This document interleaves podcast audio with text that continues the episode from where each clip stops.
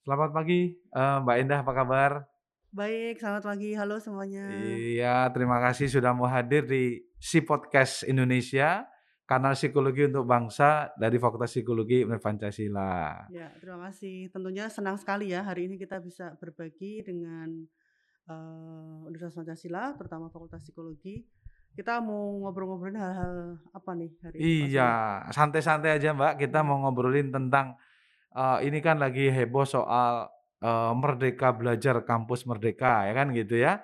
Kemudian dikaitkan dengan nanti itu akreditasinya itu, eee, apa namanya, eee, apakah BAN PT masih berlaku ya kan, eee, apakah nanti kalau sudah international accreditation apakah masih perlu di-assess dan sebagainya, mau ngobrol-ngobrol dan pengalaman. Nah, sebelum sampai ke detail, eee, Bapak Ibu sekalian, kawan-kawan dan adik-adik mahasiswa, serta, eee, para hadirin dan pendengar, eee, saya Sony Suharso, kebetulan saat ini menjadi Dekan Fakultas Psikologi Universitas Pancasila.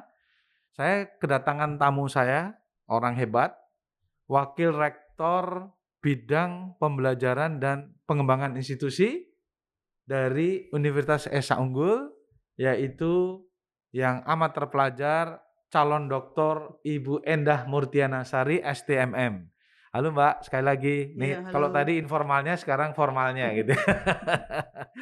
Eee, sehat-sehat Mbak, gimana? Ini ja jauh-jauh ya dari rumah ya ini ya? Pagi-pagi sudah berangkat ya? Eee, Heeh. ya, tapi ini jadi energi ya, jadi energi see, yang positif karena kita bisa berbagi dengan sivitas akademika di Pancasila ya mungkin, Siap, eee, dengan seluruh sivitas akademika di Indonesia ya. Iya, amin, ya. Akreditasi internasional ya. Betul. Kem Kaitannya dikaitkan tadi dengan MBKM, Dengan IKU dengan ya kan? IKU Heeh. 8 ya, 8 eee, IKU, ya ya yang saat ini betul. kita semuanya sedang sama-sama berjuang lah ya, sama Iya, berjuang iya. untuk, eee, memenuhi, Betul. apa yang diinginkan oleh pemerintah sehingga masing-masing universitas bisa komple ya, Iya. terhadap standarisasi yang dibuat oleh pemerintah. Iya, betul sekali. Nah, Mbak Endah kan ini malang melintang ya di berbagai, eee, perguruan tinggi, kemudian di Esa Unggul. Ini sudah berapa lama nih di Esa Unggul nih? Eee, 2,5 tahun Dua ya, setengah 2,5 tahun ya, tahun. tapi luar biasa dan, Mhm. eee, tampaknya Esa Unggul, eee, naik terus ya ranking-nya ya. Ya, Oh ya, alhamdulillah bisa naik terus dan kebetulan teman-teman sekalian, eee, teman-teman sekalian, eee, kita ada kerjasama ya antara, eee, Universitas Esa Unggul dengan Universitas Pancasila, sudah ada MOU kalau nggak salah minggu Mhm, lalu. Nah, sekarang salah satu implementasinya, Mhm. kita kerjasamanya nggak cuman pada tataran tanda tangan, tapi bagaimana kita bisa bersinergi. Mbak Endah, eee, saya panggil Mbak Endah aja ya. Iya, boleh Mbak. Endah, Mhm. ceritain dong, ini sih apa sih? Apakah kalau sudah akreditasi internasional tuh kita nggak wajib memenuhi BAN PT? Ini mohon dicerahkan Mbak, kita-kita Mbak, monggo Mbak. Iya iya. Baik, mungkin, eee, saya mulainya agak agak agak agak pelan-pelan ya. Ya. Artinya kepentingan akreditasi internasional sebenarnya adalah kepentingan rekognisi internasional ya. Rekognisi internasional, Bagaimana oke. perguruan tinggi juga perlu membuat satu pengakuan ya di tingkat internasional Iya. bahwa program studinya, universitasnya itu sudah, eee, apa, bertaraf internasional. Nah, tapi kita Ah. juga perlu tahu bahwa ketersediaan daripada sumber daya dan sarana dan prasarana kita apakah mendukung, ya. Oke. Kemudian ini tentu semuanya dikaitkan kalau di kita dikaitkan dengan visi misi universitas. Baik. Bagaimana, mmm, 2021 sampai 2025 ini kita memang, eee, prepare to world class. Jadi kalau kita udah prepare to world class mau nggak mau mesti rekognisi internasional itu dipenuhi ya. Oke. Ah, ini kemudian, eee, secara umum yang lain sih mungkin pencapaian akreditasi internasional lebih ke arah, eee, pandangan dunia ya, pandangan dunia Mhm. terhadap, eee, universitas atau prodi kita gitu ya, di tingkat internasional. Kemudian, eee, kalau hubungannya dengan BAN PT, menurut saya BAN PT ini kan standarisasi di Indonesia yang memang harus kita penuhi Iya. sebagai, eee, ketaatan kita, eee, terhadap bisnis di universitas gitu Iya. kan ya. Artinya BAN PT membuat satu standarisasi bahwa menjadi program studi atau universitas yang baik itu seperti apa. Baik, Nah, mmm. kemudian dia susun beberapa standarisasi kalau sekarang dengan standar 9 gitu ya, kalau dulu Iya. standar 7 dan lain-lain. Iya. Kemudian perlu apa tidak? Menurut saya ini berbeda gitu ya, berbeda hal Oh, gitu ya. berbeda hal ini Berbeda ya? hal gitu. Oke. Tetapi, eee, pemerintah juga sudah menyampaikan bahwa kalau kita terakreditasi internasional, itu setara dengan akreditasi unggul atau yang sekarang dengan Mmm. standar 9 itu dikatakan dengan standarisasi unggul. Tetapi Oke. ini tentu dengan berbagai syarat, tidak tidak Oh, serta-merta gitu. serta-merta, Misalnya oke. nanti kalau seperti itu semua orang tidak Pengennya lagi ke Ban nggak PT. PT, oke. Ya tetap, eee, yang standar-standar yang di Ban PT itu tetap harus terpenuhi. Oke. Mmm, sebagaimana gini, eee, kalau dulu kita dengan standar 7 kita dapat A, kemudian sekarang kita internasional memenuhi dengan akreditasi internasional yang memang dipersyaratkan gitu ya dan yang diakui Iya. di SAPTO itu, maka kita disetarakan dengan unggul Borang 9. Tapi Oke. kalau kita B bagaimana? Kalau B, ya nanti akan dika diakui unggul jika kita memenuhi berbagai persyaratan. Misalnya sekarang Mhm. dikeluarkan namanya IPPAL. IPPAL, ya Ya, ya instrumen ya. pemantauan, ya Ya kan. ya. Instrumen pemantauan ini ya ada beberapa yang harus kita jaga. Mhm. Walaupun kita dulu A, tapi kalau IPPA-nya kita nggak memenuhi persyaratan, kita bisa IPPAL tuh kayak evaluasi diri gitu, Mbak? Enggak, Bukan IPPA juga? itu Tetap eksternal? aturan yang dikeluarkan oleh Ban PT untuk memonitor. Oh, Monef-nya gitu Ya, ya? Monef yang dilakukan oleh Ban Oke. PT. Jadi kalau Sama mas 9 standar juga? Enggak, jadi kalau mahasiswa Mmm. kita turun 10%, kita tidak bisa langsung re apa, otomatis akreditasi. Kalau sekarang kan A Mmm. akan otomatis ke A. Iya. Tapi sekarang, eee, yang seperti apa yang otomatis itu? Tentunya kita harus tahu bahwa Mmm. yang pertama jumlah mahasiswa kita nggak boleh turun Oke. 10%, kemudian lulus tepat waktu itu harus sekitar 72 sampai Tepat waktu itu 75%. 3,5 tahun sampai 4 tahun 4 ya? tahun, Oke. ya. Itu pemantauan yang kedua. Kemudian Oke. dosen kita yang punya lektor ke atas Heeh. mesti di atas 70%. Wow, ada lektor kepala, guru Iya, besar itu ya? Baik. Makanya kita mesti Hmm. mendorong semua dosen untuk memiliki kepangkatan. Iya iya. Jadi, eee, sekarang kepangkatan yang dihitung adalah, eee, lektor sampai dengan guru besar itu sekitar 70%. Wow, Artinya kalau kita ada dosen baru, rekrutmen baru, itu masih diperbolehkan. Mhm. 30% belum memiliki kepangkatan sampai dengan asisten ahli. Oke, jadi saya ulangi ya, Mbak Endah ya. mhm. 70% Mhm. itu harus gelarnya lektor kepala ke atas? Lektor Lektor. lektor kepala sampai Guru besar. guru besar, Iya. itu 70%? Iya, Oke, mhm. nah sisanya boleh 30%? Iya, diperbolehkan sampai masih 30%. Wow, berat sekali itu tampaknya ya. Itu gimana itu Eee, caranya itu? Menurut saya enggak juga ya. Oh, enggak Karena juga? kan Oke. sekarang memang dosen memang harus apa ya, harus didorong untuk segera sekolah S3 gitu kan ya. Kalau dia Oke. lulus S3 kan minimal juga dia lektor. Iya. Minimal dia lektor. Kemudian Oke. ini sebenarnya adalah satu challenge untuk, eee, pengembangan dosen ya, Iya. pengembangan dosen. Jadi eee, dosen-dosen yang, eee, kalau di SA Unggul itu usia di bawah 45, dia wajib doktor, Oke, wajib sekolah baik gitu, wajib sekolah, sekolah. baik ya, dibiayai? Dibiayai eee, kalau dia tidak dapat beasiswa dari pemerintah, Heeh. kemudian tapi dia sudah keterima, maka kita biayai. Oke, Gitu. Jadi baik baik, tetap heeh. pertama harus diajukan untuk beasiswa dulu. Nah ini Baik baik, di dalam IPPA ini tadi harus diperhatikan gitu. Iya iya. Indikator-indikator tadi ada indikator mahasiswa, Mahasiswa, kemudian kepangkatan dosen. kepangkatan dosen, kemudian lulus tepat waktu, Lulus tepat ya. waktu, Dan satu oke. lagi adalah penelitian dosen. Penelitian Ah. dosen itu kalau di Borang 9 bicaranya adalah dia satu mandatori yang nilainya itu minimal 3,5. Nilai 3,5 Oh. ini kan ya sebenarnya 4 juga gitu. Kalau kita mau 4 berarti satu dosen satu penelitian dalam 1 tahun. 1 tahun minimum? Ya, dia punya Mmm. publikasi minimal 1. Itu di Scopus atau di Sinta itu ada syaratnya Apa juga enggak? saja, yang Oke. penting boleh nasional, boleh Boleh internasional. Kalau internasional. internasional kan satu publikasi mewakili 5 dosen. Oke. Jadi kalau Pak Sony punya dosen let's say 50, Cukup sebenarnya hanya butuh 10. 10 internasional. 10 internasional, tapi kalau Oke. nasional dia 1:1. Mhm. Itu yang namanya unggul? Mmm, Atau kalau baru standar saja? Ya, tadi kalau dibilang bahwa kalau yang B itu mau menjadi unggul harus apa? Nah, itu ada beberapa Oke. persyaratan di dalam Baik. IPPA itu. Nah, ini sudah sudah dialami nih oleh eee, kemarin saya dengar sharing dari UPI ya, eee, Mhm. Magister Manajemen UPI tadinya B menjadi A. Dengan berbagai Ah. persyaratan tadi gitu. Nah, itu nanti boleh di-sharing ya, Mbak, ya, itu ya, kira-kira ya. Baik, sekarang, eee, kan teman-teman mungkin pengen paham nih, Mbak, pencerahan. Iya. Sebenarnya akreditasi internasional itu manfaatnya apa dan apa saja sih kok bisa membuat kita jadi, eee, bisa unggul? Nah, mungkin, Mhm. eee, silakan, Mbak, ada materi iya, atau iya. apa yang mesti di-share mungkin monggo? Mmm, ini sambil ngobrol Iya, aja ya. iya ngobrol aja. Jadi sebenarnya kan kalau dengan akreditasi internasional saya prinsipnya adalah rekognisi internasional kan. Heeh. Bagaimana kita Itu apa aja sih yang dinilai? disetarakan gitu kan ya, disetarakan Oke. gitu. Disetarakan dengan, eee, kampus di seluruh dunia yang karena memang Oh. standarnya udah internasional. Baik Nah ini baik. sebenarnya beberapa hal ya bisa kita memperluas akses dan menjamin pengembangan ya. Artinya Heeh. kalau kita mau kerjasama dengan beberapa perguruan tinggi di luar negeri terutama yang QS 100, Heeh. eee, World Class University dan lain-lain tentu kan mereka akan bertanya, Heeh. "Sudah standarnya seperti apa nih?" Gitu kan perguruan tinggi kita. Heeh. Eee, oleh karena itu, eee, salah satunya yang mengukur rekognisi internasional kita dengan akreditasi internasional gitu Oke. kan.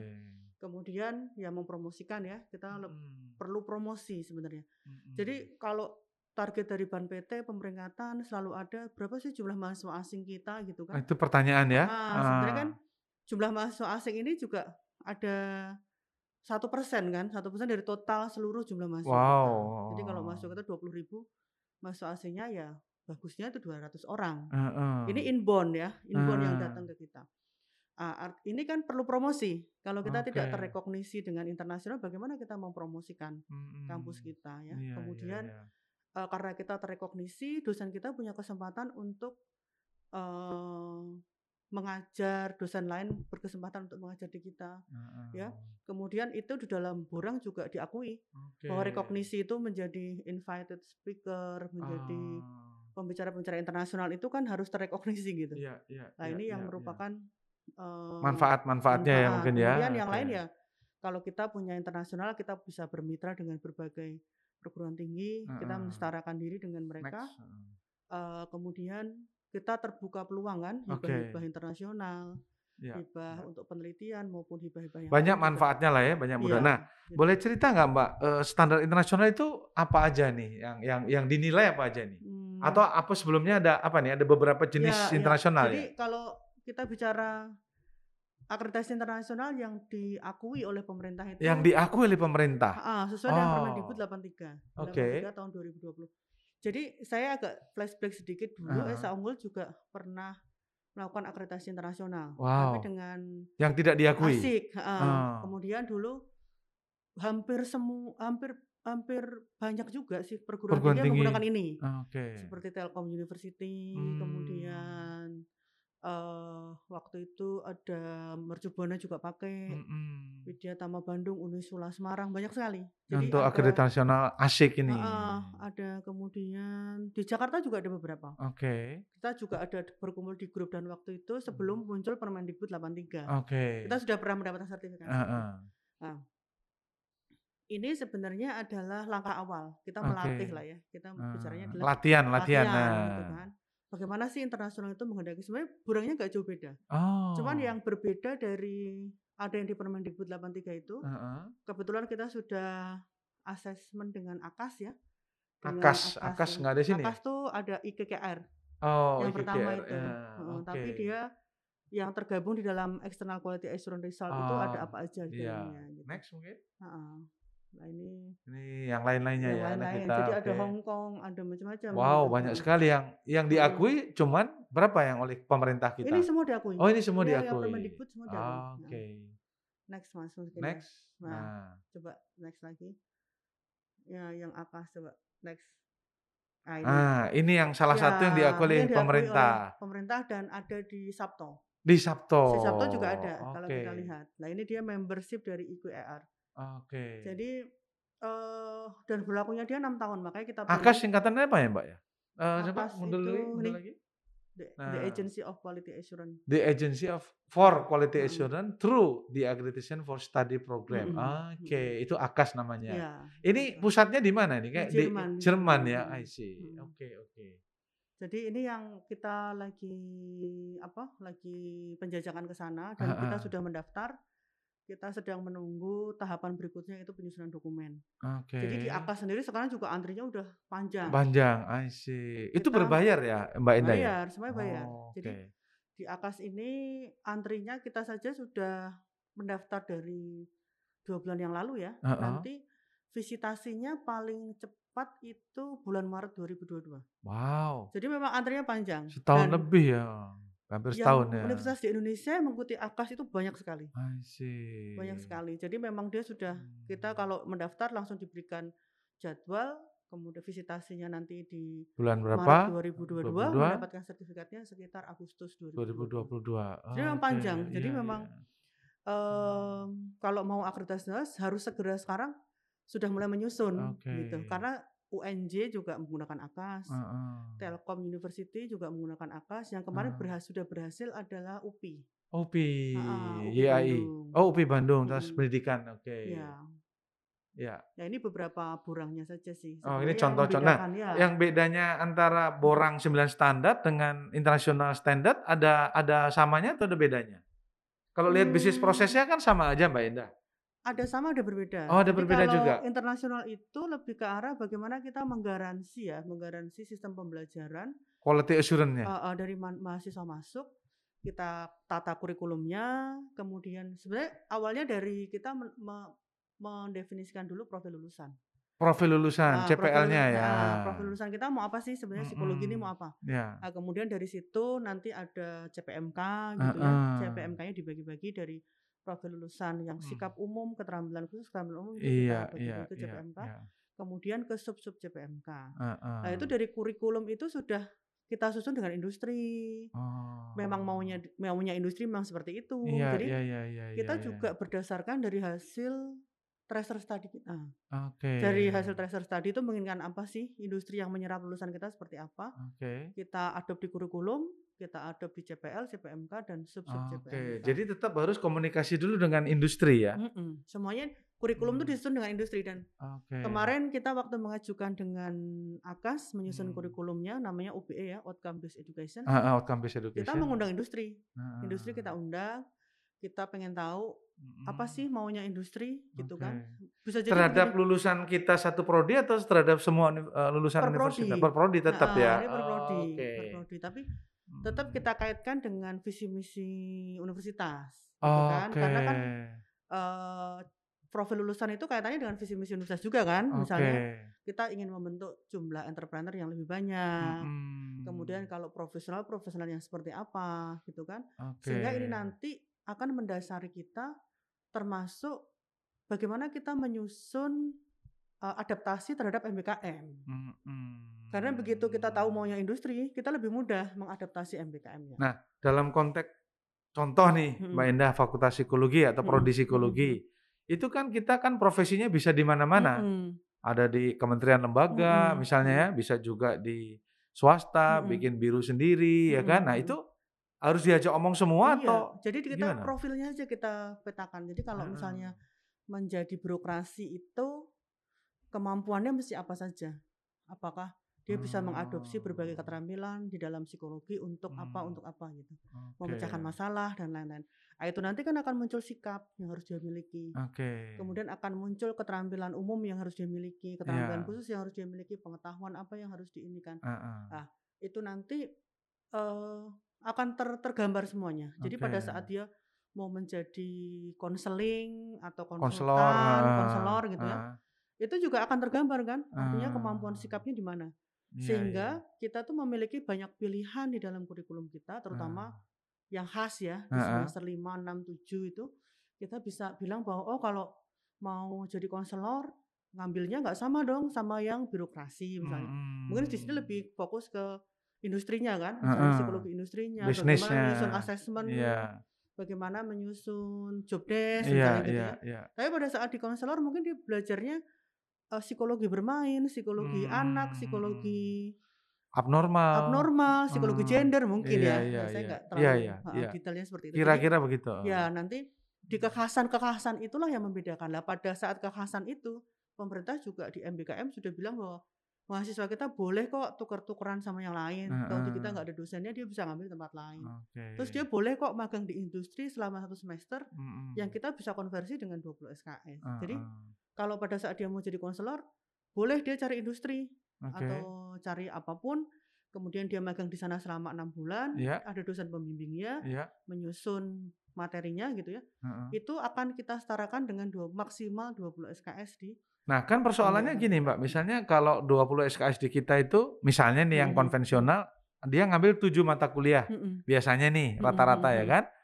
Sementara di industri 7 mata kuliah ini kan belum tentu bisa di-delivery oleh Mmm, industri itu. Nah, bagaimana cara Mhm. mengkonversi itu ekuivalen 20 Ya. SKS? Pendekatannya adalah CPMK. Jadi Oh. di industri nanti itu si mahasiswa mau melakukan apa sih, gitu kan. Heeh. Misalnya dia melakukan yang pertama, dia akan ikut di dalam tis tim penyusunan struktur organisasi, mengevaluasi struktur organisasi dan lain-lain. Heeh. Ini akan menghasilkan apa di sana? Oke. Nah, itu yang akan kita konversi dengan CPMK kita. Makanya MBKM itu Oh. maksimal 20 SKS. Jadi bisa jadi bahwa satu industri dengan industri yang lain itu berbeda. Jadi Oke. yang yang di industri A mungkin konversinya hanya 16 SKS. Heeh. Industri B cuma 12 SKS yang bisa kita ganti dengan mata kuliah kita. Oke, gitu Dan itu ya. dari awal prodi mesti mesti mesti tahu gitu. Maksudnya Heeh. kegiatan MBKM itu bisa loh dikonversi. Pendekatannya apa? Mmm. CPMK.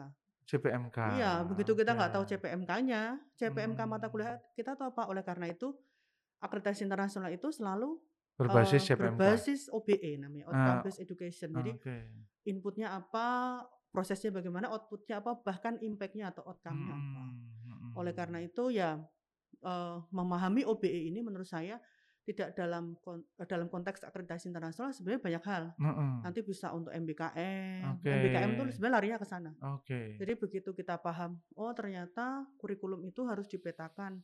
Satu dengan misalnya dulu kan KKN gitu kan, Ya. mahasiswa ada KKN atau kerja praktek, Ya. misalnya di psikologi itu kerja praktek gitu. Ya.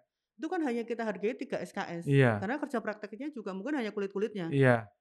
Misalnya cuma Cuma 3 sebulan minggu, heeh, eee, 1 sebulan bulan, gitu ya. kan. Sekarang kenapa mahasiswa itu tidak dicarikan tadi magang di industri. Oke. Syukur-syukur dia bersertifikat gitu Oke. kan, magangnya bersertifikat. Ya ya ya, Nah, heeh. sekarang pemerintah juga programnya banyak. Iya iya iya. Magang bersertifikat, dikasih uang mahasiswanya. Kemarin-kemarin Heeh. kita juga pertukaran mahasiswa merdeka itu juga Mhm. nanti akan dapat uang dari pemerintah. Insentif dari Iya, pemerintah ya. pemerintah. Oke. Pertukaran mahasiswa ke luar negeri dan Heeh. lain-lain itu jadi memang, mmm, menurut saya arahnya ke sana ya. Oke. Semua orang akan berpikir kalau mau MBKM-nya mudah, Heeh. kurikulumnya perbaikin gitu.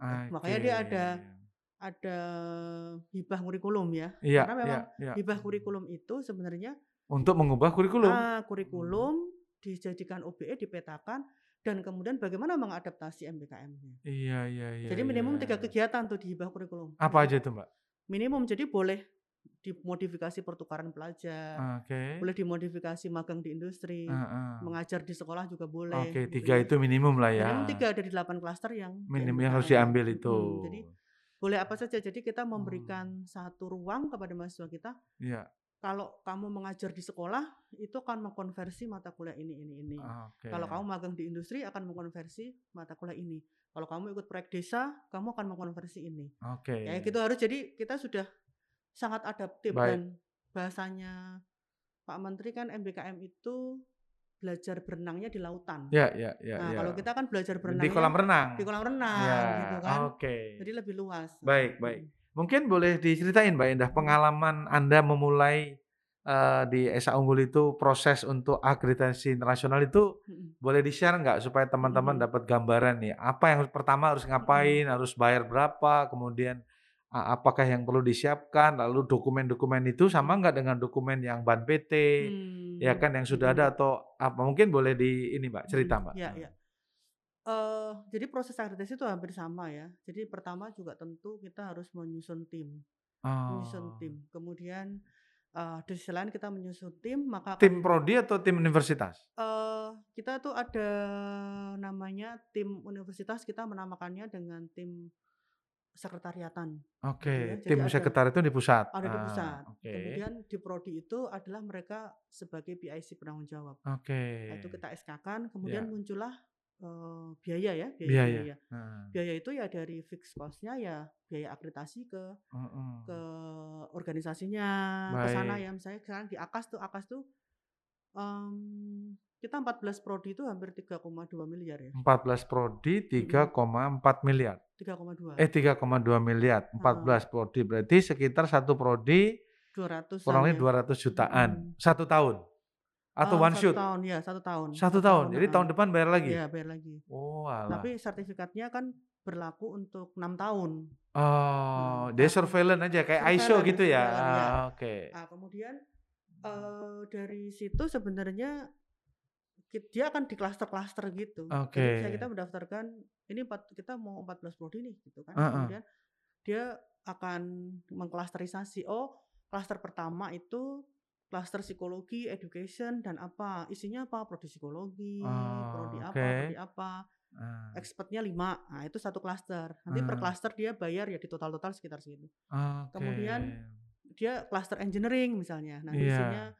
Ada teknik sipil, ada teknik industri, ada teknik elektro Oke. gitu. Jadi dia per rumpun ya. Per rumpun, eee, p Rumpun, eee, heeh. pengetahuan ya, Iya, ilmu dan pengetahuan. bisa, eee, 5 sampai maksimum 5 sam 5 sampai 6 lah ya. Prodi? Heeh, maksimum. Heeh. Jadi di dia bisa cuman 2 gitu. Misalnya Iya.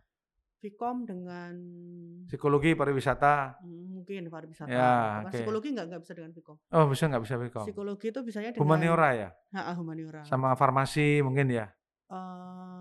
Atau sam farmasi farma farmasi agak Kedokteran? lain sih. Lain Jadi ya? gini, kita juga mesti baca di aturannya BAN juga bahwa masing-masing dari prodi itu kan ada akreditasinya ada lam Lampetekes dari Heeh. asosiasi. Iya, Terus ada asosiasi. yang BAN PT. Lah kita Ya. mesti nanya, apakah Lampetekes itu mengakui akreditasi internal yang standarkan unggul apa tidak?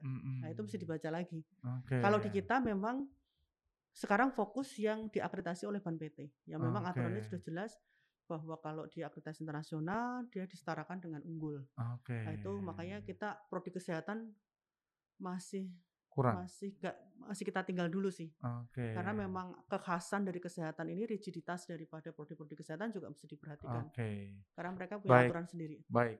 Jadi 14 prodi 3,2 M Mhm. itu per tahun?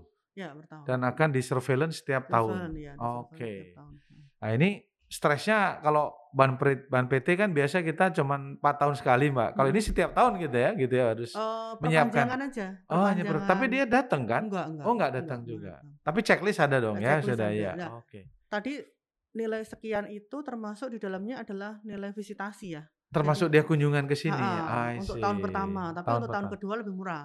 Oke. sampai sebesar itu. Baik Nah, baik. sampai sebe itu hanya untuk yang pertama, Iya. kemudian tahun berikutnya dia lebih murah. Iya. Karena Sekarang tidak ada kos-kos yang Untuk datang ya, ya sudah Heeh selesai heeh duluan heeh, ya di awal, ada. one shoot lah ya. Heeh. Nah, kalau misalnya kita, eee, satu prodi itu sudah terakreditasi A Mhm atau mhm, unggul mhm. berdasarkan BAN PT, Mhm. itu otomatis international standard-nya bisa A juga, bagus atau enggak? Bisa bisa terjadi ada Mmm. perbedaan kriteria, parameter? Di dalam BAN PT tidak ada OBE kan, nggak harus kita OBE, tetapi Ah. di BAN PT itu kan borangnya tentang berapa banyak kerjasama yang kita lakukan, penelitian yang kita Mhm. lakukan, prestasi akademik dan lain-lain.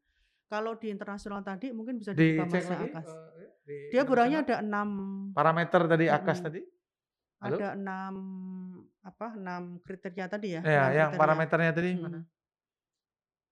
Nah, membedakan. quality of curriculum ya Nah, kan? ini yang OBE, harus Eee, OBE. lalu prosedur for quality quality assurance, assurance, mhm. terus learning, teaching, and assessment of student ya Ya, itu kan? harus dari dari apa, dari sistem Pembelajarannya? informasi akademik kita mesti Heeh. menginformasikan bagaimana jadwal itu disusun, bagaimana proses Oke. teaching, bagaimana asesmennya, dan Proses itu evaluasi ya? Ya, Oke. kemudian student admission itu penerimaannya. Heeh, Jadi oke. kita ada berapa banding berapa sih yang diterima sama yang Oke, nggak terima. artinya semakin tersaring dengan, Mhm. ketat itu semakin baik?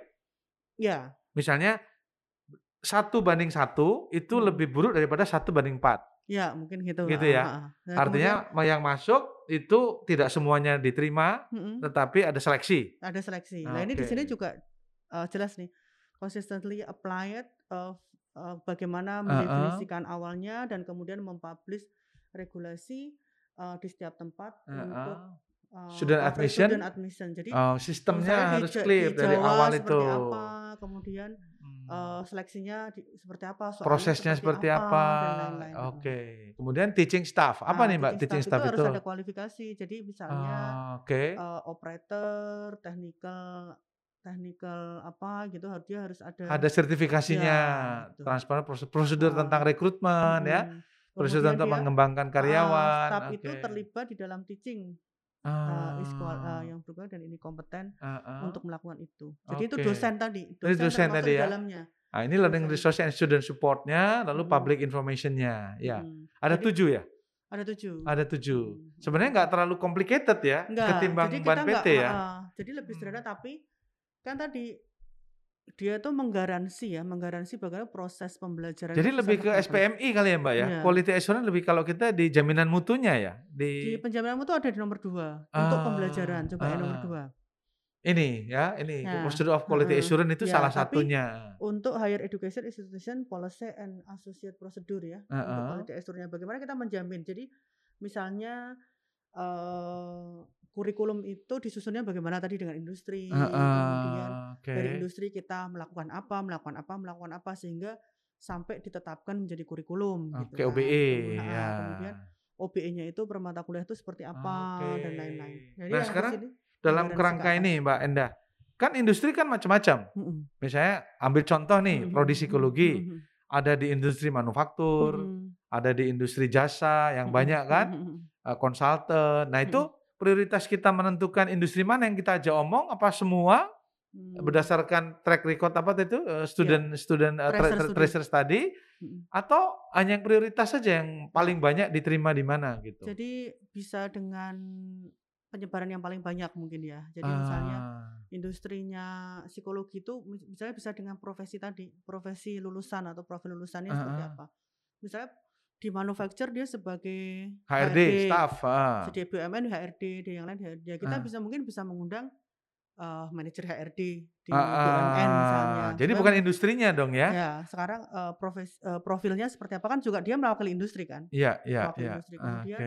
satu lagi alumni, alumni itu harus kita ajak bicara. Ah, Nah, pada saat dia belajar pengalaman menarik apa yang bisa Heeh. dia dapatkan selama pembelajaran, kemudian dia men mensarankan untuk improve apa. Kontribusi apa sih yang bisa Improve diberikan? Ah, Karena oke. waktu kita nanti visitasi, waktu nanti kita visitasi juga harus menghadirkan alumni. I Alumni minimum 2 see. orang, dari setiap prodi itu 2 Iya. orang dan dia akan wawancara. Ah, Pengalaman ya dia ya, selama sama berkuliah di Pancasila di seperti apa, apa. kerjanya gimana. kemudian apakah pengetahuan yang dia miliki itu, eee, apa namanya, related nggak dengan yang dia Oke, pelajari itu akan ditanya ya? Ditanya. Jadi Ah. jadi ada student yang masih aktif, ada alumni, kemudian dosen, Ya. dosen yang diwawancara ya dosen, alumni, Oke. student yang masih aktif, kemudian dari industri. Jadi nanti kita juga, kenapa kita harus bekerja sama dengan industri dalam menyusun kurikulum, nanti pada saat akreditasi juga mereka ditanya, Oke. selama ini Diajak omong nggak? heeh, Oke, gitu. Dilibatkan nggak? masukan-masukannya apa gitu kan. Kemudian apakah mereka melihat lulusan dari Universitas Pancasila ini cukup terserap oleh industri apa tidak gitu. Oke, Jadi itu ah. juga perlu kita jalin kerja sama jangka panjang menurut saya Iya, dengan oke, industri, dengan cocok alumni, cocok, dengan, ah. Eee, existing yang memang mahasiswa masih aktif, Iya. dengan dosen dan staf, mereka akan diwawancara semua dan itu menjadi tadi, eee, di borang nomor nomor 5 tadi. Di akreditasi Heeh, internasionalnya heeh, tadi, nomor 5 nomor tadi, 5 tadi tentang, merupakan eee compliance nggak nih, Oh, apa yang comply di apa enggak? ya, Mmm. apa yang diceritakan nih SOP-nya, Heeh. ternyata bicara dengan alumni, bicara dengan industri dan lain-lain itu ternyata bener nggak itu dilakukan gitu kan. oke. Bener nggak mereka mendapatkan masukan yang memang sesuai apa tidak gitu. Iya iya iya. Oke. Jadi guys, teman-teman sekalian, ternyata waktu bikin kurumil kurikulum itu nggak bisa kita duduk sendirian terus kita ngarang-ngarang. Apalagi MBKM. Kita mesti ngajak ngomong industri, gitu ya Mbak Mhm. Endah ya. Kita mesti Alumni. ngajak ngomong alumni. Kita mesti ngojok ngajak omong dosen maupun mahasiswa yang masih ada di iya, sini, ya mhm. kan? Kemudian kita juga mungkin, eee, banyak pihak yang kita omong dengan yang diajak omong untuk menentukan OBE-nya tadi ya, Mhm. outcome based education kita itu maunya ke arah mana. Karena harus link and match. Dan pada saat nanti diakreditasi, mereka pun ditanya juga, waktu kalian bikin kurikulumnya fakultas psikologi atau fakultas teknik atau apa pun lah ya, itu industri diajak omong nggak gitu? Kalian melibatkan ini nggak? Nah kalau nggak, berarti sebenarnya kita proses aja udah salah atau kurang tepat atau kurang punya ada nilainya Mhm. gitu. Kira-kira gitu ya Mbak. Enda ya? Oleh karena itu, tadi di IPPA juga kaitannya apa, lulus Mmm. tepat waktu itu minimal Tik 75%. Ah. Karena apa, begitu kurikulum kita sesuka-sukanya kita, nggak ra ramah dengan industri, Heeh. kemudian diadop oleh industri susah gitu kan, kita juga akan kesulitan. Mahasiswa tuh ini apa sih mahasiswa kok nggak jadi nggak lulus-lulus gitu, mungkin mata Oke, kuliahnya nggak terlalu jelas mau jadi apa gitu iya, loh. Oke. iya, makanya itu juga semua terkait sih menurut saya. Oke, 75% Lulus tepat waktu. harus tepat waktu itu baru disebut unggul. Iya, maksudnya salah satu syarat, salah Salah satu satu akreditasi salah nasional satu itu. syarat yang dipantau gitu. Oke, 70% itu berarti 4 tahun.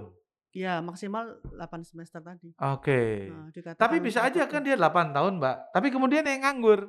Nah, ini juga dinilai Ah, juga tadi yang masa tunggu lulusan itu Eh, kaitannya. masuk juga ya Masuk masa ya. tunggu lulusan. Oke. Jadi kalau di Borang Standar 9 itu kan masa tunggu lulusan ya maksimum 6 bulan kan. 6 bulan maksimum. 6 bulan. Oke. Tapi paling bagus ya 2 bulan, 3 bulan terus dia sudah mulai Sudah bisa bekerja. diserap oleh Ya, industri. jadi memang Oke. kita mesti mengelompokkan dulu beberapa IKU ya, beberapa IKU IKU itu IKU adalah ini indikator Indikator kinerja, kinerja utama. utama. atau KPI ya. ya Ah. Oke. Misalnya IKU 8 dikaitkan dengan kerjasama itu apa? Misalnya pencapaian nomor 2, nomor 6, nomor 7 misalnya. Heeh. Kemudian IKU di Borang 9 standar itu apa? Oke. Kemudian ini semuanya harus diawasi oleh Ban PT melalui IPPA tadi. IPPAL. Ya, instrumen uh, pemantauan tadi. Oke. Nah, kemudian ini dikaitkan lagi dengan apakah yang IKU-IKU ini tadi dengan akreditasi internasional itu mempercepat gitu. Nah, pasti Ah. relatednya pasti ada. Mestinya ke sana ya. Relatednya pasti ada. Oke. Jadi itu yang menyebabkan kenapa kita mesti akreditasi internasional karena kita paham gitu. Kenapa itu harus dilakukan? Karena Oke. ini sekali kita Dayung, berjalan gitu heeh, kan. dua tiga sekali pulau berjalan, terlampaui iya, gitu ya. nanti Oke. semuanya bisa terlampaui Iya, dan iya, iya, itu iya. akan mempermudah cara kerja kita. Beda artinya Iya. kalau kita sibuk mencapai IKU yang nomor dua misalnya harus banyak-banyakin kerjasama, rekognisi dan lain-lain. Tapi kita nggak sadar bahwa itu tuh kaitannya apa sih dengan yang lain. gitu. Eh, in- ah, harusnya Itu antar IKU itu interkoneksi ya, Mbak ya. Ada Iya, koneksinya. harus ada di harus kita harus Hmm. lakukan pemetaan. Jadi Oke. oh ternyata dengan menyusun kurikulum OBE Heeh. itu bisa mencapai ini, bisa mencapai ini gitu Oke. kan. Jadi kalau kalau prosesnya benar. ya, ya, Jadi ya. industri diajak. Kalau industri diajak, kita punya lebih banyak industri untuk tempat magang mahasiswa. Oke. Bisa gitu. Itu mencapai IKU juga. Kemudian eh nanti rekognisi yang lain-lain, oh ternyata industri bisa mengajar di kita. Kaitannya dengan Mm-mm. apa? 75% dosen kita itu harus praktisi di dalam di dalam pemeringkatan perguruan tinggi gitu. Iya, harus banyak Nah, praktisi. Jadi dia Iya. benar-benar mem- memiliki eh, Nah, pengalaman mengajar, kemudian pengalaman di industri dan lain-lain yang Iya. dibawa ke kampus. Jadi dosen juga harus paham industri, Mm-mm. industri juga harus mau ngajar di Hmm. kampus kira-kira Ya, gitu ya, dan Mbak ya. sekarang Hmm. di MBKM itu salah satu program dari pemerintah untuk dosen ya, untuk meningkatkan kemampuan dosen, dosen magang di industri. Ah, dosen juga harus magang, bukan industri. mahasiswa aja dan gitu itu ya. dibayar. Kita sebagai dosen. Ah, Jadi, yang bayar pemerintah. Iya, bayar pemerintah. Kemudian Ah. outputnya apa? Outputnya adalah perbaikan kurikulum. Outputnya adalah perbaikan Kurikulum, kurikulum yang lagi. match dengan OBE industri. tadi, iya. Iya. Nanti OBE lagi untuk akreditasi internasional. Jadi memang kalau kita lihat satu dengan yang lainnya, kita mappingkan tuh sebenarnya satu dengan yang lainnya saling Mungkin terkait. tidak hanya dosen ya, Mbak. Tenaga pendidikan juga dong. Itu Boleh? Serkom. Hah? Lewatnya sertifikasi kompetensi. Ya, tapi dia kalau Tapi magang lewat. juga boleh dong. Hmm, programnya belum ada. Oh, belum ada. Belum ada. Tapi kemarin pemerintah membuka magang untuk tendik dan dosen, Heeh. tapi udah lewat. Kemarin Ah. terakhir tanggal Iya, iya, iya, sayang itu ya. Heeh, Ah, itu Oke. diberikan sertifikasi kompetensi setara dengan BNSP. Heeh. Kalau kita bayar ya sekitar 8 jutaan. Wow. Dan itu gratis. Iya, iya, iya. Dan kemarin iya. kita juga dapat Oke. tendik sama dosen. Nah, Mbak, ini ada tahap-tahapannya. Mungkin Mm-mm. bisa diceritakan nih ah, maksudnya gimana nih, Mbak? Ya. Mengenai sertifikasi internasional ya, Mm-mm. ya. Yang pertama tentu tadi ya outcome based education. Ini ya, kita harus mengadopsi outcome based education. Jadi Heeh. turunannya kurikulum ya, Mbak? Iya, kurikulum. Oke, teman-teman jangan lupa nih OBE ya. Heeh, Oke, lanjut. ya. Kemudian dari situ kita memodifikasi SPMI. Kemarin kan juga adalah Satuan Penjaminan Mutu Internal. standar. Oh, standar Penjaminan Penjaminan Mutu Mutu Internal. Internal. Oke. Jadi, Yang eh, sesuai dengan ini. OBE. Jadi Oke. kemarin juga saya ikut BIMTEK-nya Dikti belum lama lah ya, belum ada sebulan. Heeh. Bahwa SPMI ini harus dilaporkan, harus diinput di dalam dashboardnya Dikti juga. Oh, namanya? Eh, SPMI Kemendikbud Oke. nanti dari Mohon coba itu nanti Heeh, SPMI-nya heeh. bagaimana itu? Ya. Ya. ah. Kemudian kita harus ini self study artinya LED tadi ya. Self study Ini, itu melakukan oke. evaluasi awal. Heeh. Gapnya mesti dilihat antara Ini setiap tahun ya, Mbak ya? Untuk evaluasi diri. Kalau evaluasi diri kan kaitannya dengan Borang. kalau di kita sih IKU ya. Oh, dengan IKU program IKU. IKU program studi. Setiap tahun Ah. dapat insentif dari mereka kalau misalnya mencapai. Dan itu, eee, Oh. PJM lah yang melakukan ya, penjaminan mutu. Oke. Dia tayangin misalnya rasio dosennya udah mulai berbahaya nih misalnya. Heeh. Misalnya 1/30 ini udah 1/35 misalnya. Iya Dia, iya. "Oh SDM mesti rekrut dong," gitu. "Oh jumlah dokternya kurang nih, Iya iya iya SDM iya. mesti ini." Kemudian, "Oh kepangkatannya ada dosen baru mesti diurus," dan lain-lain. Itu Heeh, oke. sebenarnya adalah evaluasi diri. Baik baik. Nah, Kemudian kemudian terakhir? ya asesmen terhadap borang tadi. Setelah Mmm. kita gap-nya keta diketahui ya tinggal menyusun dokumennya aja sih sebenarnya. Heeh, pemenuhan Mhm, dokumen-dokumennya, dan ini ya. Akreditasi itu masalah bagaimana kita juga memperbaiki dokumentasi di dalam Iya. dokumentasi Administrasi di ya, dalam heeh, heeh. akreditasi. Kalau kita sekarang sudah model dulu yang internasional borangnya dari dari asesor apa yang diminta, kemudian dokumennya itu sudah kita link-kan semua secara soft copy. Jadi semuanya tuh Oh. modelnya di-scan semuanya, Scanning semua, di-scan kemudian upload tinggal diklik-klik aja clear misalnya keluar semuanya heeh, dia. saya pengen dokumen apa tinggal diklik. Jadi kita Oke. tidak, eee, lebih cepat Iya. mencarinya Nggak gitu. lihat lemari lagi, ngurusin ini, nyari lagi, udah iya, kuno itu udah iya. ya? Nanti kalau diperlukan lagi kan kita tinggal mindahin saja. Iya. Jadi misalnya, eee, kita akan mencari SPMI tentang pembelajaran atau Heeh. standarisasi akademik ya, sudah kita scan semua. Oke. Nanti kita tinggal klik, "Oh ini dokumennya," jadi bisa Jadi investasi di bidang teknologi informasi juga Ya, harus kuat dong. Mbak, Ya, dalam ini rangka ini ya? OBE nih. Ah, OBE oke. itu harus ada bukti implementasinya. Bukti implementasinya, maksudnya Iya, gimana tuh? jadi setiap CPMK itu kan setiap Setiap mata CPMK kuliah itu kan harus diukur. Misalnya Hmm. CPMK mata kuliah CPMK mesti tahu teman-teman, capaian pembelajaran mata mata kuliah, kuliah, oke. ya. Heeh. Jadi misalnya untuk pertemuan 1 sampai dengan 4 dalam rangka mencapai IKU sub? CPMK 1. Oke, Nah, itu ya. terbukti dengan apa? Tugasnya. Tugasnya memang mengacu ke sana. Oke. Jadi kalau kemarin pemerintah juga bilang harus berbasis project base dan case study misalnya. Problem base sama project Heeh, base, heeh, heeh. project base dan Case study, case study. Lah heeh. itu dibuktikan, dibuka, oh 1 Projeknya sam apa? apa yang dia buat oleh mahasiswa, Mhm. tugasnya itu apa. Iya iya Nah itu ka semuanya kita dokumentasikan dalam LMS kita. Nah itu ya nanti akan Oh. dilihat dan itu harus minimum LMS LMS penting LMS, heeh, 2 oke. 2 semester, 2 2 semester semester, heeh, oke. Itu internasional ya, dia harus Internasional, kita menggaransi ada buktinya, ada evidennya Oke. bahwa proses itu sudah berjalan Oke. minimal 2 semester. 2 semester, Iya, iya iya. mhm. Jadi antara SPMI dengan, eee, external accreditation itu nyambung ya, Mbak, Iya, itu harus harus harus, melengkapi ya? Tapi kalau kita tertib di dalam dokumentasi kemudian mulai memperbaiki ya, kalau saya bilang sih akreditasi itu salah satu cara kita memperbaiki dokumentasi. Betul Mhm, betul, dan kalau itu juga ada self improvement ya, Mbak, Iya, ya, "Oh kita mhm, kurang di sini nih, iya. kurang di sini nih," gitu ya. Mhm, Oke harus oke. memperbaiki, heeh. Nah, dalam kerangka tadi, Mbak, international accreditation, Mhm. itu kan ada cost yang harus dibayar kan Mhm itu. mhm. Nah itu pembebanannya ke siapa ini? Maksudnya Mmm, kalau di SA Unggul kebetulan memang, eee, reputasi dan akreditasi itu ada di Warex 1. Ah, Warex Gitu. 1 kalau di prodi Wadex 1 atau Kaprodi Heeh, kira-kira iya gitu ya? itu di Ah, di oke. Warex sa di Warex 1 Betul. kemudian ya memang karena sesuai visi misi tadi kan kita membuat Heeh. program dan, eee, tahun ini memang kita rencananya mau akreditasi internasional sudah dibebankan dari tahun Anggarannya kemarin, tahun lalu, disusun dari tahun oke. lalu. Ya tinggal diimplementasikan Eksekusi saja. saja. Jadi, eee, kita juga harus bisa menyusun biayanya ada tadi ya, ada fixed cost yang terkait dengan Heeh. asesor, kemudian ada juga biaya yang kita gunakan untuk membangun tim tadi, harus Oke konseling. oke. Konseling itu kan ada tahapannya ya, misalnya dari menyusun OBE-nya berapa kali, Mhm. kemudian Itu di tingkat universitas di ya? tingkat universitas. Oke. Jadi kalau sekarang sih sudah jalan di tingkat Mhm, prodi, ya. kemudian nanti kita tingkat konseling tingkat universitas. Oke. Gitu. Nah Dan ini ada keuntungan karena kita kemarin Mmm. menang hibah kurikulum kan. Oke.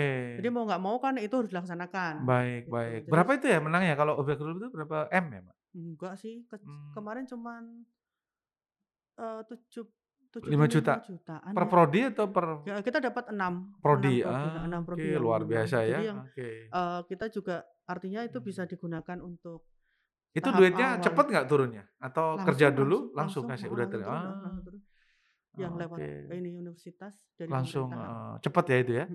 Nah, kira-kira Mbak, suka dukanya nih dalam Mhm. pengalaman, eee, Mbak Endah nih Mhm mhm mhm. mempersiapkan baik MBKM mhm. maupun international accreditation, Mhm itu suka dukanya apa nih? Oh. Boleh diceritain nggak supaya kita juga, eee, dapat insight nih gitu? Mhm. Jadi memang di dalam kita ingin mencapai sesuatu pasti isu utama masalah leadership ya. Leadership Ya, leadership, leadership ingat itu tuh leadership, nah. leadership itu menjadi sesuatu yang isu yang harus orang mau tidak mau kalau kita jadi pimpinan, ya apa ya, Merangkul. mau mau merangkul, mau ngopeni gitu loh. Oh, terus mau Misalnya berkorban, ya, ya. misalnya dulu apalagi kan, eee, satu perubahan paradigmanya dulu kita tidak pernah ikut hibah-hibah gitu ya, kemudian sekarang Heeh. ada hibah banyak sekali Iya. di MBKM dan ini pengalaman baru untuk semuanya. Heeh. Jadi begitu ada program dari pemerintah, kita adakan rapat rutin gitu. Rapat Misalnya rutin, misalnya oke. pada saat kurikulum itu, eee, kan hanya yang akreditasi A yang boleh Iya mengajukan. iya. Jadi, ya semua akreditasi A kita undang, ini ada hibah seperti ini, proposalnya ini. Senin nanti setiap Senin jam 9 kita rapat lagi ya. Setiap Senin Persiapannya belaj eee, heeh, rapat, heeh, persiapan persiapannya sudah rutin seperti itu ya? Heeh, kemudian oke. kesulitannya apa, Iya iya kemudian iya. yang dibutuhkan apa, ya akhirnya itu bisa meng-encourage untuk prodi-prodi itu Oke mengajukan oke, dan itu harus ada evidennya ya? proposal, Mana iya, rapatnya? Rapat iya. rutin rapat rutin Iya, rapat rutin, itu iya, mana? Ya kan gitu. IPD juga kita dapat. Ya ya ya ya. Kemudian mahasisw pengiriman mahasiswa ke luar negeri yang ISMA, Heeh. kita juga surprise ini dapat kita ngirim 44 mahasiswa yang terseleksi bisa 11. Oke. Jadi rata-rata juga ke Amerika, ke UK dan lain-lain. Itu juga Wow, sama. keren ya. Kita adakan rapat nih dengan KUI. Heeh. Kemudian, "Bu, pesertanya gimana?" Kita bilang sama prodi, "Kita minta dong satu prodi itu minimal 2, 3 orang untuk ikut." Tapi kan kita nggak tahu TOEFL-nya, Bu. Nggak usah dipikirin TOEFL-nya, kalau masalah TOEFL urusannya KUI. Jadi kita Eee, bagi-bagi tugas. oke. Udah pilih mahasiswa yang menurut prodi itu bagus. Bagus, Heeh, heeh, udah kirim. biarkan nanti Itu KUI S2 Pak, Mbak? S1. S1, Mhm. oke. Nah, nanti kita kita Mmm. latih bagaimana menyusun proposal dan lain sek nah Oke. ini yang sebenarnya yang kita ingin men lebih banyak ya, lebih banyak Kata kuncinya tadi leadership, yang Mhm. ngayomi sama consinyering yang rutin Iya tadi ya, Mbak, ya? iya, Terus itu ya, heeh, ah, ini yang mungkin ini. Jadi memang mmm. ya itu kita butuh satu endurance yang Yang panjang, iya, jadi maraton jang ini nggak cuman kita nggak bisa one baru shoot, mulai begi capek, baru mulai capek. Begitu juga dengan tinggal akreditasi disambi-sambi internasional, gitu ya? iya.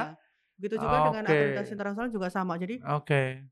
yang kita hadapi kan banyak kalau pada saat biaya kita ngomongnya sama yayasan. Heeh. Rapat sama yayasan ditanya, "Bagaimana pertanggungjawabannya?" Kita ada rapat tiap Selasa Heeh sore, membahas masalah biayanya. Kemudian sama Mmm. prodinya nih yang nyusun OBE ini kan juga harus diperhatikan terus nih, Iya sudah sampai iya. mana, Iya. kesulitannya di mana. Jadi memang Iya. saya bilang sih lebih ke arah ini tidak ada pekerjaan yang sulit Kalau secara oh, teknis. secara teknis, Heeh. tetapi memang Teamwork-nya ini leadership yang teamwork, ya. leadership. Jadi memang ini Iya. hal-hal yang menurut saya Iya. rasanya gampang diucapkan tapi Tapi s itu dipraktekkannya nggak gampang. Jadi kata kuncinya juga nih Mbak Indah dan Iya. teman-teman sekalian, kalau dia nggak ada hati di situ, Iya, susah.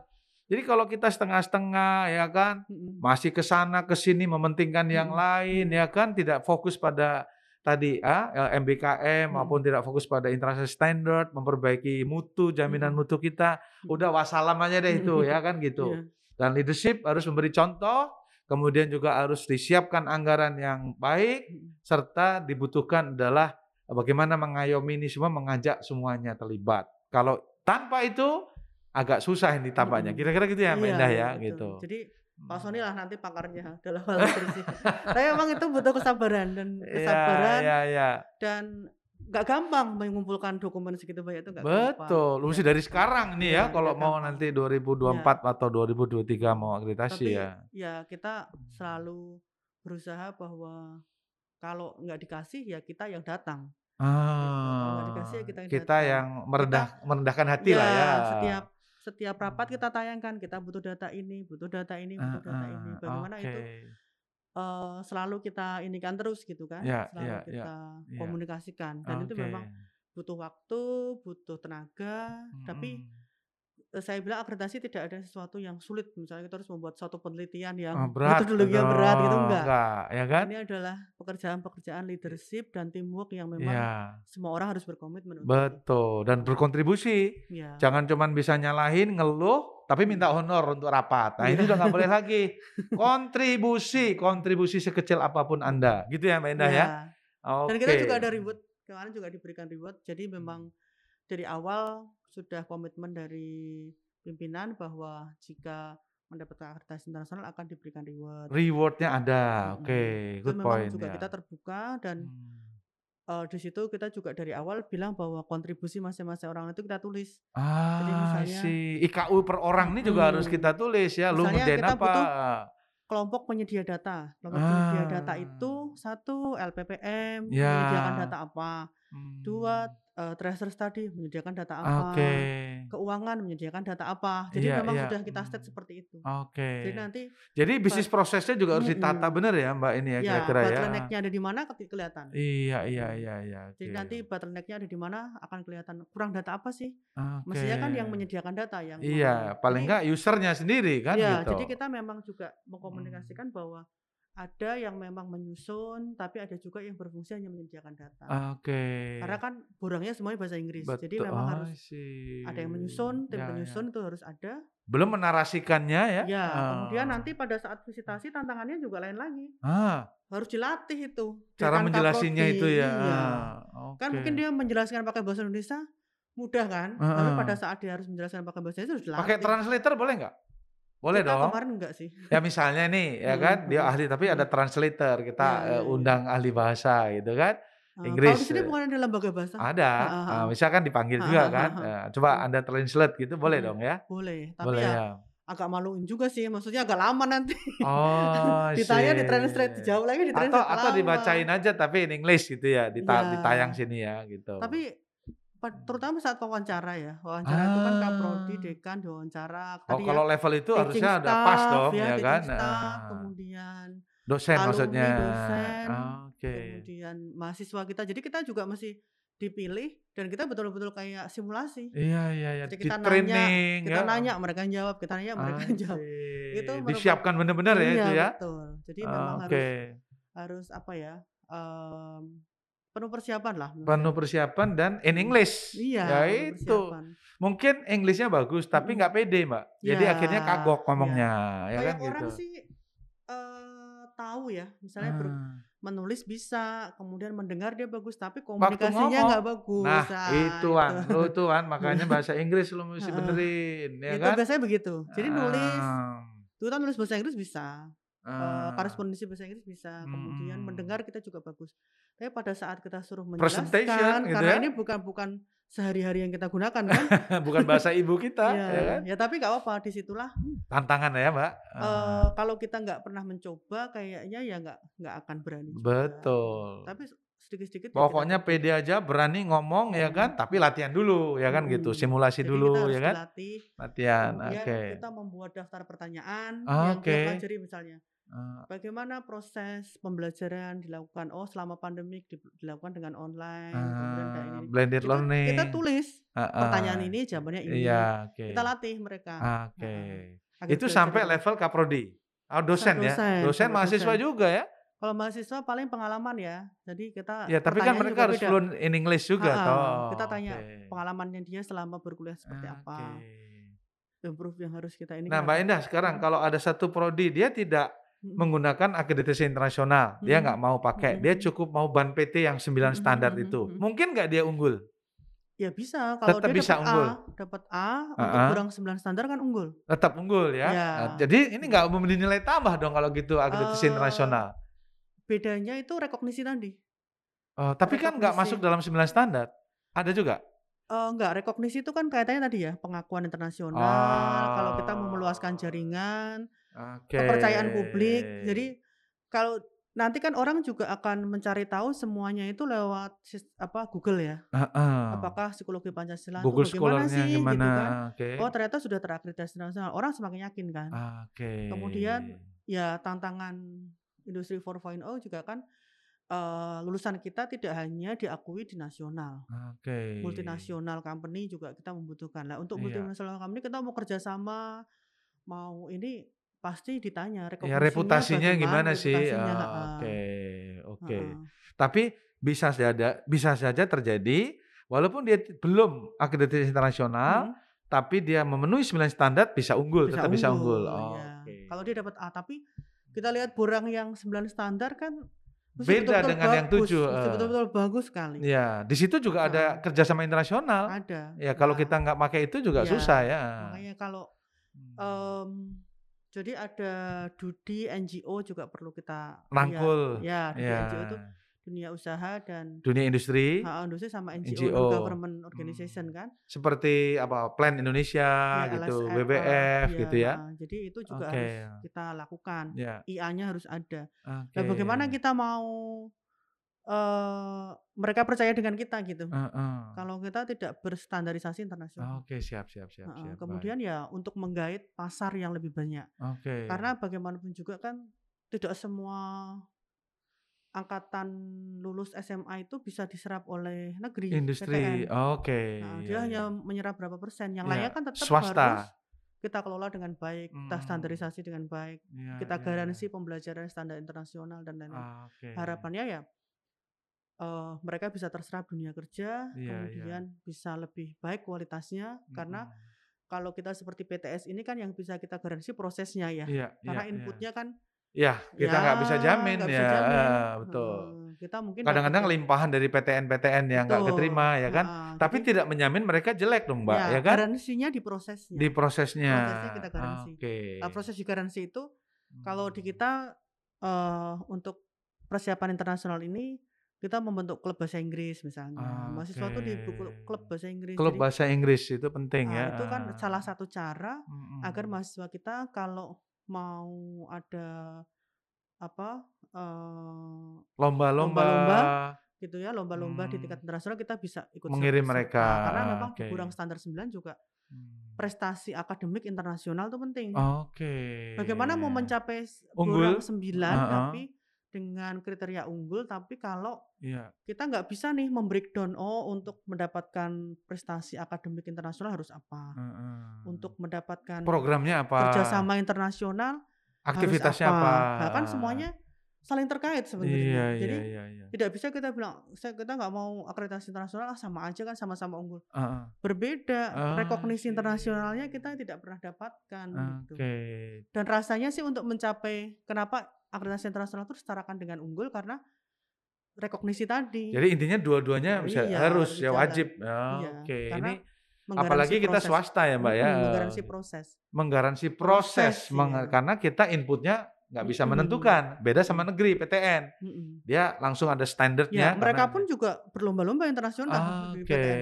Walaupun sudah tahu inputnya bagus, Mhm. tetap mereka berlomba-lomba untuk akreditasi internasional. Bahkan Oke. diberikan target tuh di Wow. PTN itu. Targetnya maksudnya kenapa? Diberikan target harus berakreditasi internasional. Wow. Jadi ini kita semua sedang berlomba-lomba ke Iya, arah sana dong ya? kalau PTN mungkin targetnya ke QS 100 ya, see. QS 100 gitu Ya ya. ya ya ya. Kalau mereka QS rankingnya masih bintang 3, dia harus bintang 4 misalnya. Oke. Kemudian dia harus world class university-nya yang berapa gitu Iya kan. iya Jadi iya. semuanya juga berlomba dan kemarin juga pemerintah bilang eee, baru pertama kali ini nih kita bisa masuk di QS 100 nih. Ada yang bisa nambah di Ah. QS 100 setelah berapa tahun gitu kan. Oke. Eee, mungkin kalau nggak salah UGM apa mana gitu. Heeh Kemarin saya agak lupa pas BIMTEK yang Mmm. dilakukan itu Iya. pemerintah menyampaikan bahwa kita juga cukup berbangga nih setelah dilakukan pembinaan dan Iya. lain-lain. Akhirnya Bisa naik masuk menjadi ke QS 100. QS 100 berarti ranking 1 sampai 100 gitu? Iya, Oh, dunia. dunia. Mhm Ya ya mhm. ya. Alhamdulillah ya.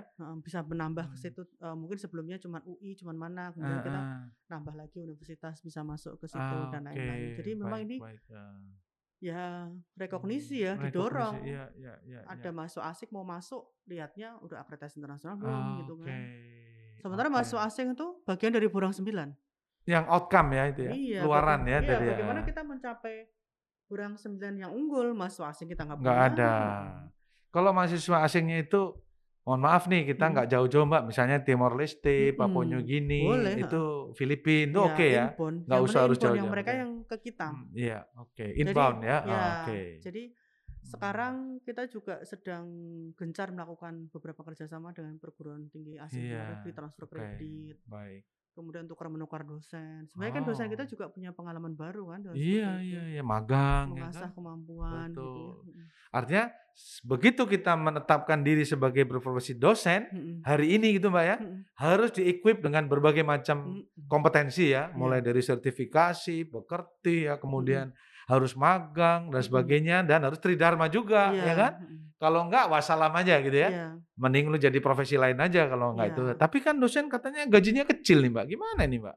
Nah, it itu dia kan sebenarnya kan masalah menurut saya masalah telur sama ayam lagi ya. Telur sama ayam, gimana Bagaimana tuh?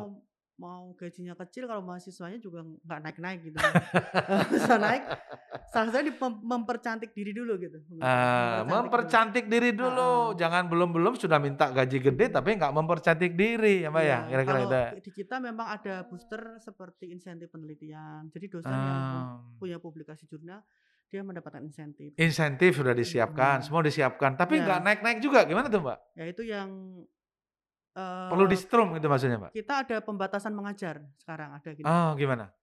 Jadi kalau dosen dia tidak punya publikasi, mengajarnya dibatasi.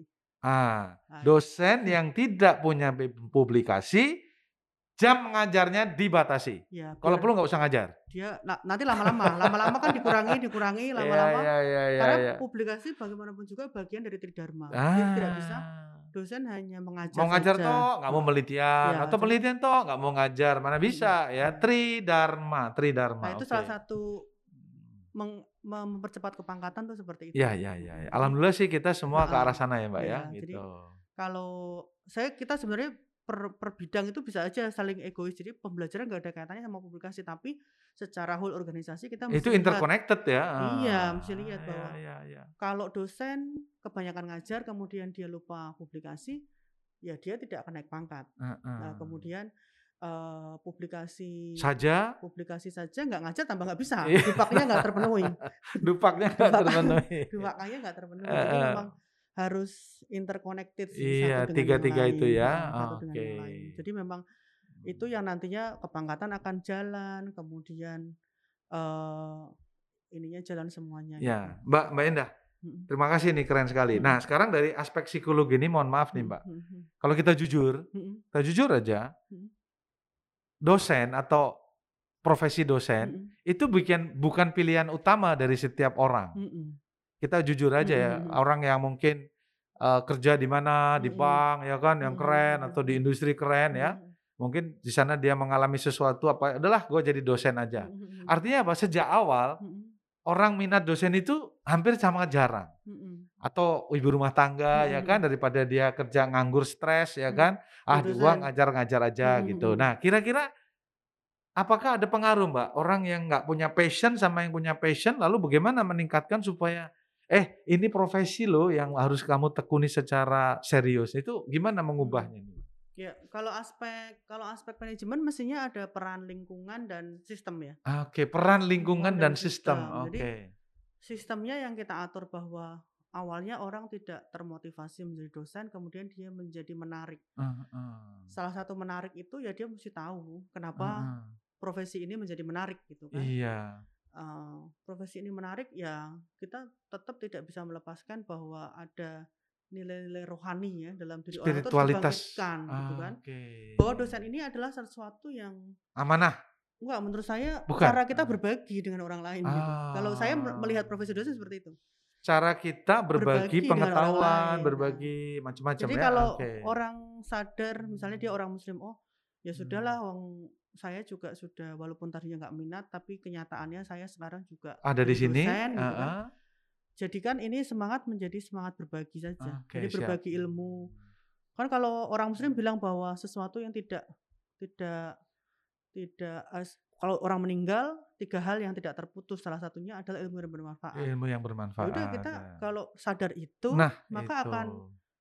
Mengajar Hmm. mahasiswa ya dengan dengan senang, Heeh, dengan hati, dengan dengan senang, passion ya. ya, Kemudian oke. me melakukan publikasi jurnal juga Oke, senang karena oke. apa, ini salah satu cara kita untuk berbagi. Untuk kita Nah, berbagi berbagi mmm. bukan semakin kita kurang, malah semakin kita Kaya, mendapatkan lagi, iya, semakin kan kaya lagi. membahagiakan orang lain Ya, juga. karena menurut Mmm. saya profesi apa pun ya, tidak Mmm. eee, saya juga pernah jadi karyawan di perusahaan, pernah jadi Mmm. konsultan juga, profesi apa pun sebenarnya, eee, kita mesti tahu kenapa kita melakukan itu. Kalau kita tahu kenapa melakukan itu, pasti perasaan itu akan senang. Plong ya, Ya, senang, akan senang. Tapi enjoy kalau ya. kita Mmm. melihatnya adalah Beban. beban, sarana Iya. mencari uang, cepat Iya, kecewa iya gitu ya, iya iya. melihat sedikit, ya Terus kita akan down sakit gitu hati ya, gitu ya ya, baperan ya ya, kita sakit udah hati, selesai itu ya. Tapi kalau kita Mmm. profesi dosen kalau saya melihatnya, ini kan sarana kita berbagi gitu. Kalau berbagi, tidak akan pernah ada mengeluh. Iya, komplain Iya, komplain komplain. Namanya komplain, ya berbagi kan. gitu. Namanya berbagi kan iya iya iya. sudah rasa ikhlasnya Ikhlas, sudah ya, di depan gitu. cocok itu Mbak. Iya. Mbak Indah, ini di penghujung kita, Mhm. waktu kita, eee, mungkin mohon izin nih Mbak, pesan-pesan nih Mbak, eee, saran-saran atau, eee, ya pesan-pesan lah ya Mhm. kepada pimpinan bagaimana, dosen teknik gimana itu, Mhm. Dari pengalaman ini apa Mbak kira-kira bisa, Mhm. disampaikan ke teman-teman yang mau menyiapkan MBKM maupun menyiapkan International Mhm. Accreditation? Ya. Silakan Mbak. Ya, eee, baik terima kasih Pak Sudi, sebenarnya agak berlebihan juga sih. Saya juga Iya. dalam konteks masih belajar Belajar, ya. heeh. Eee, tapi saya mungkin di sini berbagi saja, mungkin kalau Iya. pesan-pesan mungkin agak agak Agak berat, agak agak terlalu berat keren gitu itu ya, ya, oh, agak oke. berat gitu. Mungkin Mmm. berbagi saja memang, eee, dalam konteks konteks kita sebagai pimpinan memang, Heeh. eee, perubahan paradigma Perubahan peru paradigma. perubahan dunia yang Mindset, eee. semakin berubah, kemudian dengan adanya Covid dan lain-lain me menjadikan kita memang harus, apa ya, harus lebih wise lah melihat sesuatu. Kemudian Oke. walaupun ada kondisi seperti ini, tapi yang namanya target kita dalam pekerjaan kan bukan bukan menjadi alasan gitu ya, bukan menjadi Mhm, alasan. mmm. Kemudian ketika kita menginginkan sesuatu gitu ya, menginginkan sesuatu, kita mesti ingat bahwa seorang pemimpin itu adalah, eee, dinilai berhasil ketika dia berhasil melayani gitu ya. Melayani, Nah, dia harus ketika serving others, ketika dia berhasil melayani. Jadi Mhm. semakin kita bisa melayani banyak orang, Yes. maka kita semakin dinilai sebagai pemimpin. Melayani itu maksudnya Ah. begini, kalau kita sebagai pemimpin udah orang mau ketemu kita susah. Susah, baperan gitu Heeh, ya, kemudian ah, kita itu mendengarkan keluhan-keluhan kita udah udah heeh, sensitif, sensitif dan ya lain-lain. ya. Berarti kita mesti cek apakah kita memiliki kemampuan itu Untuk melayani, gitu ya. Kemudian heeh. Apalagi konteksnya MBKM. MBKM ini butuh sekali support dari pimpinan Iya. ya. Mmm. Misalnya kita ikut program berbagai hal, "Oh ini ada program ini Bu, saya butuh rekomendasi dan lain-lain." Langsung hari itu Ya, teken, sebisa nah, mungkin secepatnya. heeh, kita harus Jangan dilama-lamain. Dalam konteks kita nggak bisa ketemu orang, WFH dan Heeh, lain-lain, kirim, ya kirim kan gitu, email, iya. kemudian lakukan secepat mungkin maksimal 1 hari itu orang sudah 1 kali mendapatkan dapat sudah ada ya, respon, ya, orang sudah oke. mendapatkan apa yang Diinginkan. Nah oke. menurut saya Itu ya melayani. melayani gitu. Oke, Jadi good point, dulu heeh. karena saya pernah di SDM lama gitu ya, Mhm. kemudian saya pernah di Mercu Buana itu juga sebagai kepala biro SDM, di Esa Unggul juga kemarin saya jadi direktur merangkap kepala biro SDM. Eee. Artinya kita mesti punya lah kemampuan melayani orang gitu ya. Mhm, apalagi ya, Melayani, mmm. kemudian saya selalu me memotivasi diri saya sendiri bahwa seorang pimpinan itu dikatakan berhasil bukan karena dia Dilayani atau dilayani posisinya dan ya, posisinya, tapi tapi bagaimana dia kemampuan kita lebih melayani. lebih banyak. Oke, itu untuk pimpinan ya, Mbak. Ya. Nah, kemudian kalau untuk dosen gimana, Mbak? Ya, kalau dosen ya tadi, kalau kita sudah punya NIDN ya, mohon Ah. maaf kalau kita punya NIDN berarti kita sudah harus berdamai dengan diri kita bahwa kita ini dosen gitu kan. Berdamai dosen, dengan diri sendiri kita bahwa lu itu dosen. NIDN sudah ada, Heeh, harus lu itu dosen, dosen. yang bener makanya Ya, ya. jadi kalau dosen ya kita mesti melakukan melakukan tugas kita ya, melakukan ini dengan Iya. semangat berbagi. Semangat berbagi, usah kasih sayang ya, kepada jadi mahasiswa. mahasiswa kita tidak lagi begini, kalau bisa mata kuliah saya itu mata kuliah paling susah, nggak bisa lulus. Nah, Oh, itu akhirnya tidak tidak ingin itu. berbagi. Jadi kok Mmm. bagaimana membuat mata kuliah yang sulit itu menjadi mudah, Mudah. nah, menjadi mudah Jadi bukan dosen killer ya. Mbak, ya gitu ya. Semua orang Oh. bisa lulus dengan mata kuliah kita. Terus kalau Iya. tidak lulus, apa yang harus kita lakukan. Saya selalu bilang sama mahasiswa pada saat saya ngoreksi Nah. UTS atau UAS saya selalu WA dia gitu. Heeh. Nilai kamu tuh kenapa nggak dikerjakan? Kenapa nggak ini, ini, ini. Heeh. Saya masih kasih kamu kesempatan Untuk kasih tapi tugas, heeh. nilainya tidak sama dengan yang tepat waktu. Betul, Selalu kita meng-encourage dia seperti itu. Nanti lama-lama dia Nah. malu kan? Iya iya. Pada saat UAS mau nggak mau daripada saya dibegitukan gitu kan, dia Ah. malu. Tapi ya kadang Hmm. ketemu juga mahasiswa yang Bandel.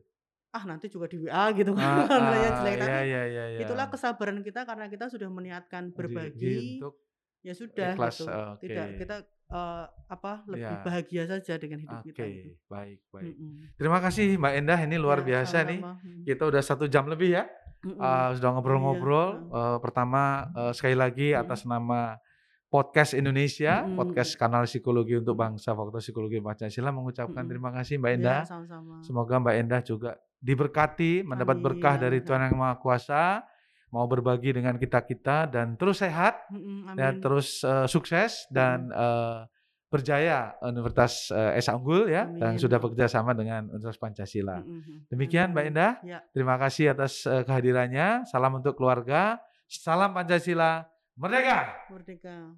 Terima kasih Pak Sony dan tim. Eh, mudah-mudahan apa yang kita bisa sharingkan walaupun tidak banyak ya bermanfaat. Amin. Mohon maaf apabila ada yang tidak berkenan. Mudah-mudahan nanti ke depan kita bisa lebih kerjasama lebih banyak lagi. Lebih ya, siap. Nanti lebih sharing lebih banyak lagi Ya. eh, untuk kita sama-sama berbagi hal-hal yang positif. Nggih. Terima kasih sekali lagi. Matur nuwun. Assalamualaikum warahmatullahi wabarakatuh. Waalaikumsalam Oke. wabarakatuh. Ya. Terima kasih. Ya.